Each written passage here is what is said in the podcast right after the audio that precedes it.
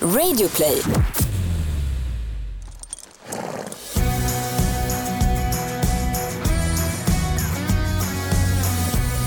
Det här är podcasten som heter Ridklubben där jag som heter Gry Forssell och Rebecka Lagin pratar bara om hästar. Och jag vet inte om du som lyssnar nu om du har hört första delen av det här avsnittet. Låter det luddigt nu? Ja men lite. Men vi sa ju i det förra avsnittet med Kajsa och Lotta Björe att det här kommer att bli uppdelat i två delar. Ja, och jag hoppas att du har lyssnat på första och tyckte att det var trevligt för här kommer nämligen den andra delen där vi sitter hemma i köket hos Kajsa och Lotta Björe och fikar och pratar häst. Ja.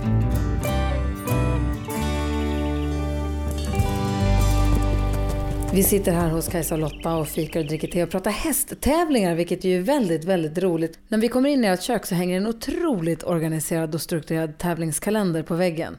Eh, som jag förstått att du har gjort eh, Kajsa. Ja, precis.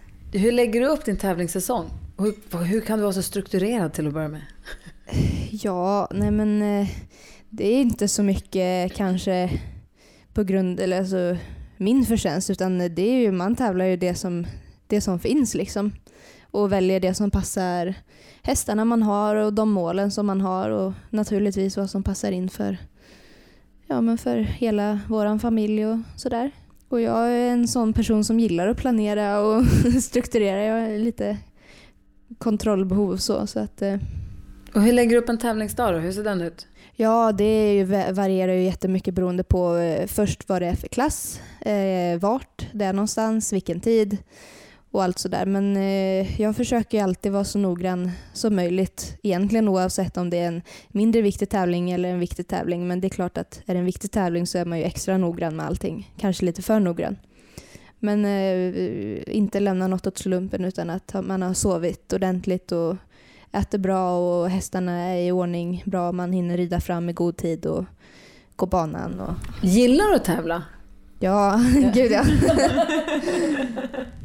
Vad har ni för drömmål nu om vi kollar på tävlingssäsongen? Ja, mitt drömmål för den här säsongen är ju EM. Men eh, som sagt, det är ju inte säkert att det kan bli något då eftersom mina två bästa inte är riktigt på benen ännu. De har haft varsin skada och eh, är på väg tillbaka. Men det är inte säkert att det kanske hinner komma igång tillräckligt mycket i tid. Och livet, om man ser det lite längre perspektiv då, om man kollar på några år framåt? Ja, men jag hoppas ju inom eh, ja, men några år att jag ska vara etablerad uppe på eh, högre nivå. Eh, svårt att säga just för att man vet inte vad man har för hästmaterial och det är väldigt avgörande. Men jag hoppas ju att jag är stabil på 1,50 nivå inom eh, få antal år och kanske ännu högre inom några år extra eller några år till. Men hur nervöst är det att vara ryttarmamma? Fruktansvärt nervös. Det, det är det jag tänker när, när din lilla Nicky nu får sin ponny lite tidigare än eh, innan 12 år som du har bestämt. så kommer du vara kräkfärdig de första gångerna när hon ska in där. Men och, gud. Ja, men det, det, är så. Men det är värt det, Gry. Det är verkligen värt det. Ja. För får de liksom en bra ponny, det, det är jättemycket det som avgör eh, om man får den här bra självkänslan och tryggheten från början ihop med en bra utbildning. Det är plattformen.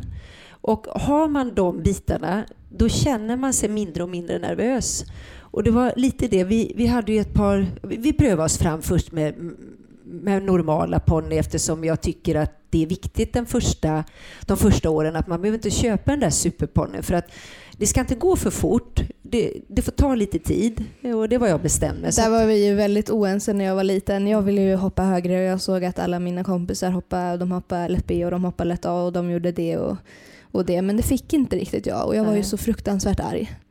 Men eh, jag är tacksam för det idag att jag fick gå lagom fort fram. Så jag har egentligen aldrig haft något riktigt bakslag. Utan jag har haft en fin resa fram till där jag är nu. Och det har ju liksom gett mig bra självförtroende och sådär. Det måste vara härligt att höra. Ja, det, det blir jag både glad och också stolt över. att För att just när det händer så är det svårt att nå fram till sitt barn liksom och förklara att men jag vet det här som själv har tävlat att det behöver inte hända nu, det kan hända om två år. Och där kände jag väl också att när vi hade våra B-ponny, vi hade ju en fantastiskt fin ponny som mellansyrran Anna gav till, till Kajsa som var väldigt oerfaren men hade ett makalöst fint register och hopp, men svår, lite för försiktig och så vidare. Och då kände jag att okej, okay, vi behöver ha en annan ponny som komplement för att den här kan växa till sig. Eh, och då så köpte vi en ponny som eh, Kajsa hade fina framgångar med sen, men den var lite för svår just då, så att det blev det blev för svårt. Den var för het och den skrämde både henne och mig lite. Och då tänkte jag, men gud, ska jag behöva köpa en tredje ponny? Vad säger min man då? Det kommer han aldrig gå med på. Och då så försöker jag förklara då att men det här är viktigt, varför så och så. Han är en klok man också. Han sa okej, okay, men eh, du vet ju vad du pratar om. Så att då fick vi köpa en tredje, vilket inte var planerat. Och då ringde jag Anna och Emma, Kajsas moster, och så sa jag att jag måste ha en ponny som är så här och så här. Den ska vara stabil, den ska vara lugn i temperamentet så att hon kan börja liksom använda benen. Hon ska kunna göra alla evighetsövningar för det tycker jag är viktigt i den åldern att man kan göra inte de här heta som bara springer där man egentligen har svårt att lära sig att rida bra. Och då kom Zorro in i vårt liv och han var guld. Hur är du som tävlingsmänniska? Eh, jo, men jag älskar också att tävla. Men jag hade en period när jag var så himla nervös så att jag mådde lite illa och att det var när jag gick över från ponny till storhäst egentligen. Och då, det var först då mamma började peppa mig lite och var lite att hon följde med och hon kunde stå och tjoa och simma lite vid framhoppningen, att jag var tvungen att galoppera fortare och så. eh, och då blev jag lite nervös och då kom jag ihåg att jag skulle gå in första gången på Huvudsta och tävla. Skulle jag gå upp till 1,10, jag hade bara tävlat en meter innan. Skulle jag gå upp till 1,10 ryttaren innan ramlar av och bryter benet. Nej. Så att jag får stå där en halvtimme utanför och titta på när hon ligger där och gråter och mår jättedåligt och väntar på den ambulansen. De tar ut henne och tävlingen fortsätter och jag får min startsignal. Och du vet, armarna är som spaghetti. Jag kan liksom inte, mm. jag kan inte röra mig. Alltså jag är så nervös då så att jag håller på och dör. Och då hade jag med mig en tjejkompis och hon bara, Rebecka, det är en minut, håll ut. Alltså 60 sekunder, du kan typ hålla an, räkna till 60 så är det över sen. Och då bara, okej okay, nu jag bara det här. Så jag räknade till 60 och jag kom ihåg alla hinder på hela banan och jag var felfri och jag tror att jag till och med varit placerad på den tävlingen. Härligt! så det blev ändå bra, men det lever ändå kvar lite att jag blir nervös. Så jag också sådär, jag brukar försöka ladda upp med en superbra smoothie på morgonen med grönkål och massa nyttiga saker som man håller sig mätt länge. För sen kan jag inte äta sådär tidigt, eller när jag ska mm. rida, utan då äter jag efter. Men hur coachar du dina elever då? Jag är ju den som är sämst på just det här med att äta bra och det har jag aldrig gjort. Eh, jag äter vad jag känner för och vad jag tycker är gott. Så att ehm, så jag ska leva som jag lär men inte som jag lever. Lite, lite så är det. Men eh, ja, vad, eh, att man har saker och ting organiserat. Att man, man ska helst åka från en tävling och om det inte har gått bra så säger man så här att ja, idag gick det inte bra men det berodde inte på att jag inte var väl förberedd. Jag kunde inte gjort det på något annat sätt. Men att åka från en tävling och säga fasen idag gick det inte bra för jag hade glömt det och det, då är det ett misslyckande. Mm. Och där kan jag se att Kajsa är... Jag var själv väldigt så organiserad. Kajsa gör ju alltid sina packlistor, Vi glömmer sällan någon sak.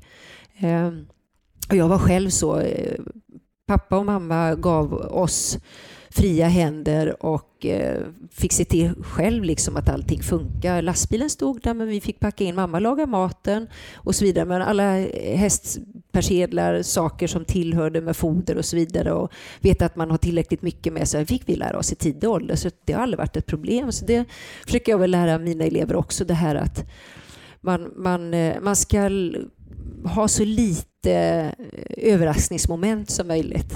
Eh, någon sak som jag vet Kajsa tycker vi är dåliga på, eller det är, det är mitt fel igen, att jag är tidsoptimist. Vi kommer alltid iväg för sent. Jag kan säga vi, jag är glad om vi kommer iväg tio minuter för sent.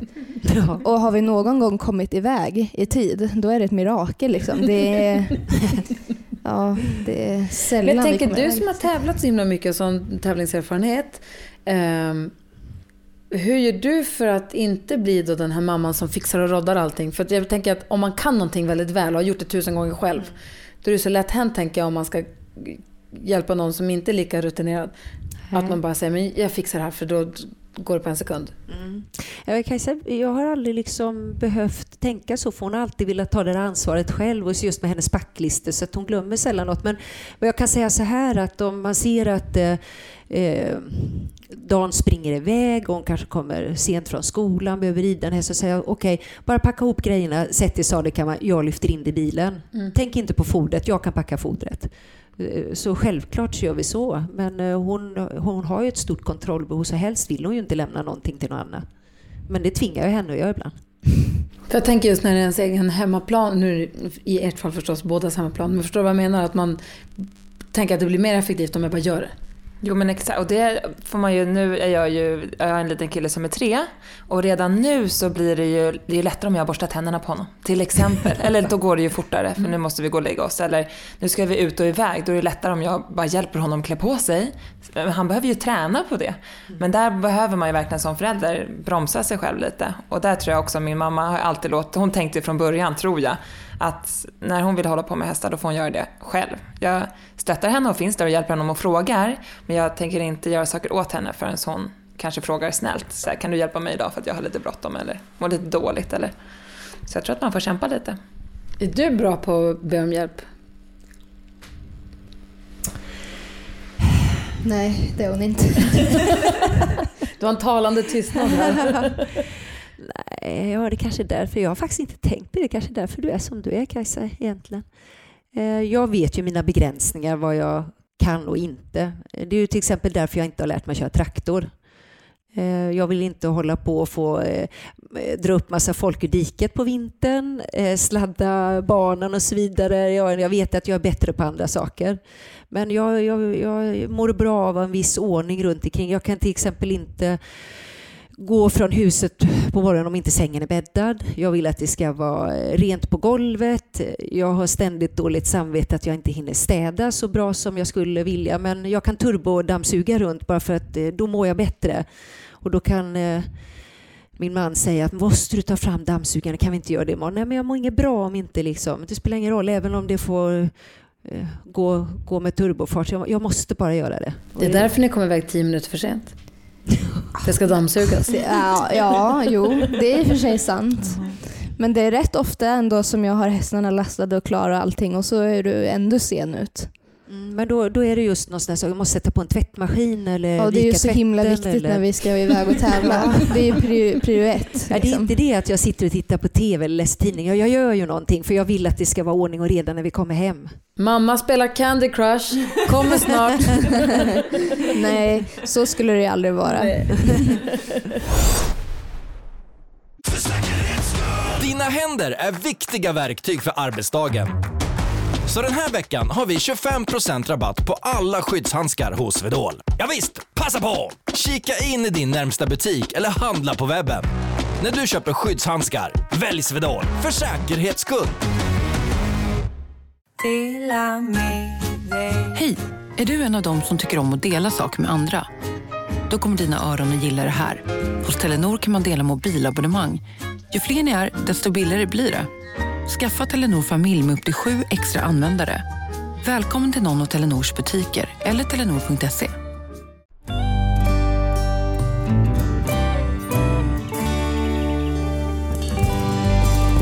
När man grundtränar med sin häst, vilken är din bästa övning då skulle du säga Lotta? Ja, men jag ska säga så här att eftersom Sverige är ett så kallt land eh, och vi har många vintermånader så brukar jag försöka säga och lära till mina elever att ha inte för bråttom ut eh, när det är vinter utan bygg en stadig bra grund att stå på och gör hästen redo för utomhussäsongen. Alltså när du säger ut, vad menar du då? Utomhussäsongen när man tävlar utomhus istället för inomhus i januari, februari, kanske även mars. Men ut och tävla menar du? Ja, du, Ja, precis, du menar ut på tävlingar, Ja. inte ut Nej. bara och rida ut. utan Nej, nej, ut på tävling. Jag tänker liksom tävlingsmässigt nu. De flesta, av eller ja, egentligen alla mina elever är ju mot tävling. De vill ju tävla. Ja. Och då är det ju, man vet ju det att från en dag till nästa dag så vet man ju inte hur vädret är. Eh, och föräldrarna brukar alltid applådera om jag säger så här att ha inte för bråttom ut och tävla i januari, februari om man inte har en speciell kvaltävling, att man kvalar mot något som exempelvis Skandinavien om man siktar så högt. Utan bygg en stadig bra grund att stå på. Håll på med dina evighetsövningar. Eh, styrketräna hästen, jobba med detaljer, jobba med saker som du vet förra året att du inte var tillräckligt nöjd med. Och sen kom ut i, i, fram i april och var redo istället då, var före dina konkurrenter. Och om du ska styrketräna hästen, vad, vad har du för övning då tycker Ja, men du? jag tycker om alla såna evighetsövningar. Bara en sån sak som kavaletövningar. Liksom simpelt enkelt vad det är bra som man lätt glömmer bort. Eh, gör hästen uppmärksam, gymnastiserar hästen. Eh, en lydnadstest, att hästen väntar in bommarna bra. Som ryttare, bra timing. Alltså att man tränar avståndsbedömning, timing. Det, ofta det, liksom det enkla, simpla glömmer man bort.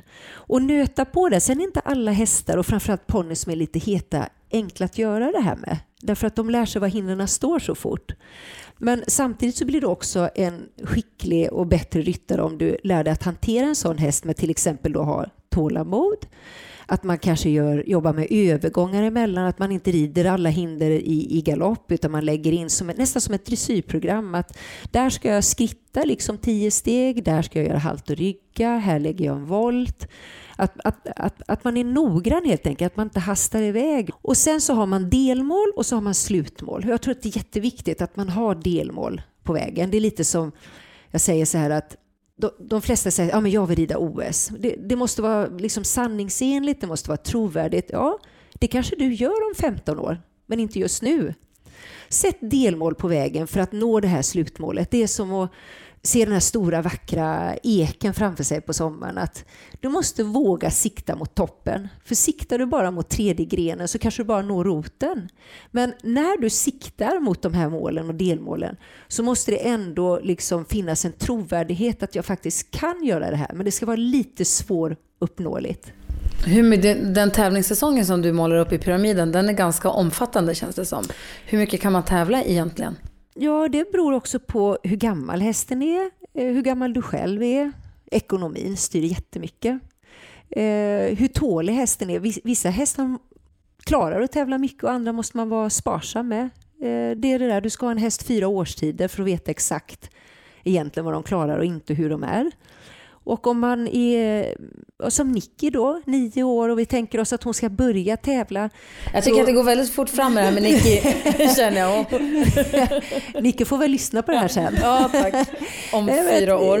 Jag har ju väldigt mycket unga elever. Ja. Och, och eh, att man börjar banan bra, att man eh, inte bara ser det tävlingsrelaterat utan Eh, man ser det också träningsrelaterat i allra högsta grad viktigt. Om man eh, säger så här, okej, okay, tre saker som jag är bra på, tre saker som jag vill förbättra. Det vill jag sätta då, att ryttaren ska sätta och sin häst. Tre saker hästen är bra på, tre saker man önskar förbättra. Och då kanske det står så här då att, eh, ja men eh, eh tre saker jag är bra på. Jag är bra med blicken, jag är bra på att trampa ner hälarna och jag är bra på att lära mig banor om man tar det liksom simpelt enkelt. Och så tre saker man vill förbättra. Ja, men jag vill lära mig att rida eh, snabbare i omhoppningar. Eh, jag vill kunna... Jag vill komma jämnt på hindret. Ja, rida i rytmen och så vidare. Alltså, sådana här saker är jätteviktigt. Så, så tar man hästen då. Då kanske man säger så här, ja, men min häst kan inte byta galopp. Det skulle jag vilja ha på förbättringslistan. Och tre, man ska inte ha mer än tre saker, för då blir det för mycket att hålla rätt på. Kajsa, vad har du på din, vad, vad har du för tre grejer som du är bra på? Ja, nu är det ju det här igen då som jag, det är lite det som vi är lite oense över att jag tycker att mamma bryr sig mer om alla sina elever än om mig. Så det har inte riktigt blivit någon sån där lista än. Även fast jag har försökt och försöker få henne att... Men om du säger själv då? Vad skulle du säga själv? Dina topp tre bästa egenskaper som ryttare? Eh, men jag tror att eh, ett, jag är väldigt noggrann, lämnar inget åt slumpen och, och så vidare. Sådär. Sen har jag väl eh, ganska bra hinderkänsla ändå. Nej, men Ja, jag vet inte riktigt. Det är alltid svårt att säga bra saker ja, men det om sig själv tycker jag. Är. Om de ska säga tre saker vad de är bra på så hittar de en eller två. Men frågar du på förbättringslistan så står det gärna fem. Vad skulle du säga att Kajsa har för topp tre på bra-listan? Ja, men det är som att säga att hon är noggrann, hon är hängiven, eh, hon har en väldigt eh, härlig känsla för tempo och rytm. Och jag tycker att hon börjar kunna ta ut det bästa av sina hästar. Och vad ska vi förbättra då? Eller jobba på? Inte vara så självkritisk. Ibland slänga hjärtat före över hindret och komma efter själv. Inte vara så pedantisk. Och, eh, Men den var ju på bra-listan. Då är den både på bra-listan ja, och förbättra-listan. Så, för den är på båda då? Så kan det vara. Eh, och också ibland, eh, ska säga det här att eh, inte vara så arg på mig.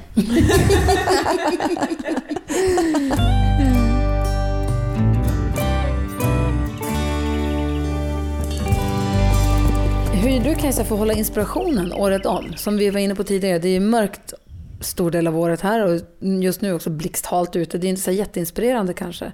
Hur gör du de här dagarna för att hålla gnistan uppe? Nej, men jag, jag tänker nog mycket på det som jag har framför mig. Roliga tävlingar och mål som jag satt upp. Och Sen tycker jag det är väldigt inspirerande att se på världskuppen som eh, vilket är bra då är på den här delen av den mörka delen av året från höst till vår. Eh, och också om jag har möjlighet att vara typ som i Skandinavium då, då är jag väldigt noggrann med att sitta och titta när de trimmar, de bästa ryttarna då, sina hästar på morgonen och alla klasser och sådär. Och sånt inspirerar mig mycket. Liksom titta på sådana som är väldigt duktiga. Vad lär du dig? Berätta, vad ser du? Vi får inte vara där. Vad ser du för något? Det är svårt ibland att sätta fingret på exakt vad de gör men man får en känsla lite grann för vad de gör. Så när man sitter upp själv så kan man liksom känna lite så att nej men så här, det är nog så där, liksom, så här känns det som att jag får en bild liksom när jag ser hur de rider och så försöker jag göra lite så själv. Vilken ryttare tittar du på nu för att få inspiration? Ja, alltså det är, så, det är så svårt att välja en för att den här världseliten, alla är i stort sett så otroligt skickliga. Det är inte det att det är en som är bäst utan de är bra på olika sätt. Men jag för tillfället är väldigt inspirerad av de lite yngre svenska tjejerna som kommer upp. Bland annat Steffi och Irma. Som de liksom ändå relativt unga tjejer som redan är på den här världselitsnivån och har liksom gjort lite grann sin väg fram själv. Och speciellt Irma där då som ja, men har egen verksamhet och är ju ung och äger många av sina hästar själv och hon är en riktig fighter. Liksom. Alltså Irma Karlsson, det är jättekul mm. att följa och se, eller hur? Jag vet, jag älskar henne. Mm. jag är lite kär i henne tror jag. hennes liksom inställning älskar jag. Och lite det här också att visst, det kanske inte ser ut som någon av de tyskarna sitter och rider, som typ Daniel Deusser, det ser helt ja, men, allting är enligt skolboken. Men jag gillar det där just och jag tror att det är kanske något jag behöver lära mig lite mer också. Att allt behöver inte vara precis perfekt utan det går i alla fall. Och har man den där fighting-andan så kommer man liksom väldigt långt. Lotta, du har ju eh, tävlat massvis. Eh, och nu jobbar med som tränare då och också expertkommentator på, på SVT. Mm. Hur har din syn på eh, på sporten förändrats sen du började med det extrajobbet? Har det gjort det överhuvudtaget? Ja, jösses. Om jag tittar tillbaks på filmen när jag började rida, vilken utveckling det har blivit liksom i sporten och i, både i, i det här landet och i hela Europa, hela världen. Om man tittar på en världscupshoppning, exempelvis de första åren från Göteborg 79, eh, när Hugo Simon vann med Gladstone, var det 79? Jag minns inte, men det det var någonstans där. Alltså man skrattar ju när man ser hindren. Det är ju liksom 15 bommar på varje hinder. Det fanns ju, och så var det mycket så här långsida snett igenom långsida. Det var ju inte tekniskt för fem öre. Det var stora hinder. Eh, och det gick på den tiden eh, att hoppa hästar som inte var så försiktiga. Det skulle aldrig funka idag. Du måste ju ha så försiktiga hästar för utvecklingen är enorm på alla sätt och vis. Vad är de största skillnaderna då tycker du? Ja, för det första ser ju aveln ut på ett annat sätt. Det är ju en sportig häst med mycket blod och eh, en försiktighet som inte var i närheten av de första hästarna jag hade. Och det var väl bra för att man missade ju så mycket så det var väl bra att de inte var så försiktiga. Det är svårare kanske för generationen idag för att de, man måste rida så mycket bättre. Eh, och eh, tittar man lite på banbyggeriet så ser man ju där också att det är ju helt andra linjer. De jobbar med mycket lättare hindermaterial, flata eh, bomhållare, maximitiden är mycket kortare. Sen ska man inte förringa någonting för att det var ju så svårt som det kunde vara på den tiden. Ja, så när ridskolorna drog igång, det var ju väl, det var väl i stort sett bara gamla militärhästar som man kände att, nu, att man måste göra någonting av, att man skulle göra ridsporten ja. till en folksport. Mm. Och att det är så det blev ridskolor. Det var därför vi hade en skitläskig militärgubbe som stod och skrek. Jag minns, kom in precis när han slutade jobba så jag slapp honom tack och lov. Jag var livrädd för honom. Han bara ser honom i stallen och gick runt med pisk där och gormade. Och, och det var ju bara på 70-talet. 80-talet till och med. Så, att, så det har ju hänt mycket på väldigt, väldigt kort tid. Ja, jag hade också eh, sådana trauma som du berättar om nu. För jag red ju, syrran och jag red ju på Göteborgs fältridklubb. Mm. Och det var ju fru Neman som satt i, eh, i eh, ja, biljettluckan höll jag på att säga. Man hade ju sin 20, jag tror det kostade 20 kronor. Eller var det 10 kronor? Det var en sedel i alla fall. Och där, var, där såg man alltid på, som fick sedeln av mamma ställa sig i, i, i kön där och sen så delade hon ut hästar. Och, och precis som du säger, hennes man då, herr Nerman var med pisken där i manegen hette det ju. Och man var ju livrädd liksom. Livrädd att eh, ens sitta på läktaren där och nysa var ju inte att tänka tanken att man fick göra. Men jag hade en väldigt snäll ridlärare, Mikael Jakobsson, som red dressyr på högre nivå själv och eh, fantastisk ridlärare, mjuk och härlig som, ja, kanske redan där att jag fick det här, många säger att jag är pedagogisk så jag tror till och med att jag fick det lite efter honom. Han var, han var just det. Ens ridlärare betyder så mycket för en. Ju. Ja, det är lite som man säger i skolan. Varför tycker man ett ämne är tråkigt och varför gillar man ett ämne mycket mer? Ja, det hänger jättemycket på läraren.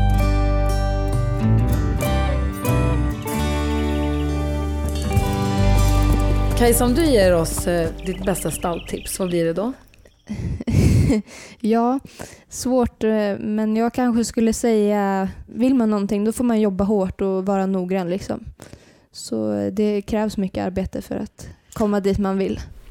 Och när du är på tävling, har du något bra tips eller knep som du kan dela med dig av då Kajsa? Någon, antingen när det gäller packningarna eller när du är på plats eller hur man ska...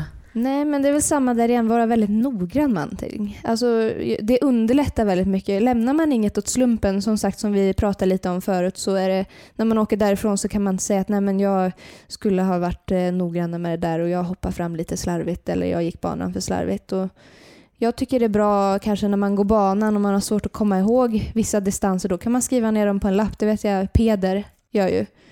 Eh, Peder Fredriksson. Eh, och sen eh, framhoppning kanske jag kan säga, det är ett litet stalltips. Jag tycker att många hoppar för mycket. Man ska hoppa lagom så man blir uppvärmd, men det är inte till för att träna. Träna gör man hemma. När man kommer till tävling så förbereder man sig. Eh, och Det tycker jag är viktigt, att man inte tröttar ut hästarna för mycket. Det tror jag faktiskt är ett jättebra Ja. tips till många. Jag hoppar inte så Jättebra. jättemycket på framhoppningen. Jag hoppar kanske...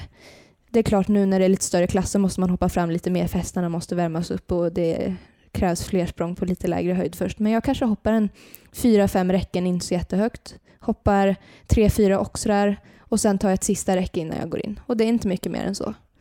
När man ser många, speciellt orutinerade, som sitter och hoppar en 20, 25, 30 språng på framhoppningen och det är, liksom, det är helt galet. Fast det, Förstår det, inte kan det. jag tycka det är inte alltid barnen och ungdomarna som styr utan det är ju liksom nervösa föräldrar. Och börja hoppa fram för tidigt också. Det är samma där igen, planera tiden. Man är där i tid, man går banan i tid och så planera hur många innan du ska börja hoppa fram.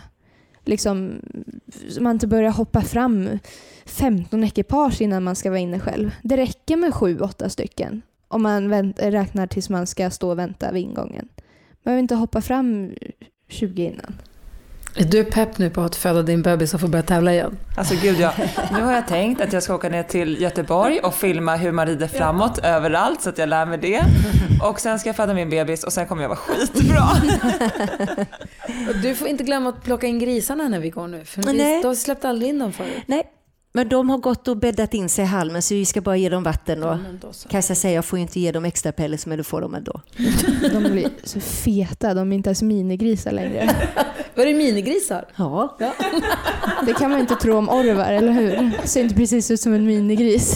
De är så himla söta grisar. Och så säger mamma, nej men de andra två, de är små. Ja, men det är för att de är de inte ens ett år gamla.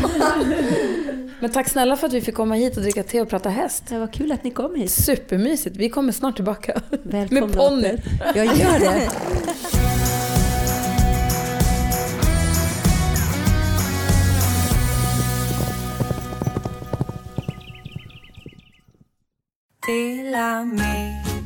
Hej!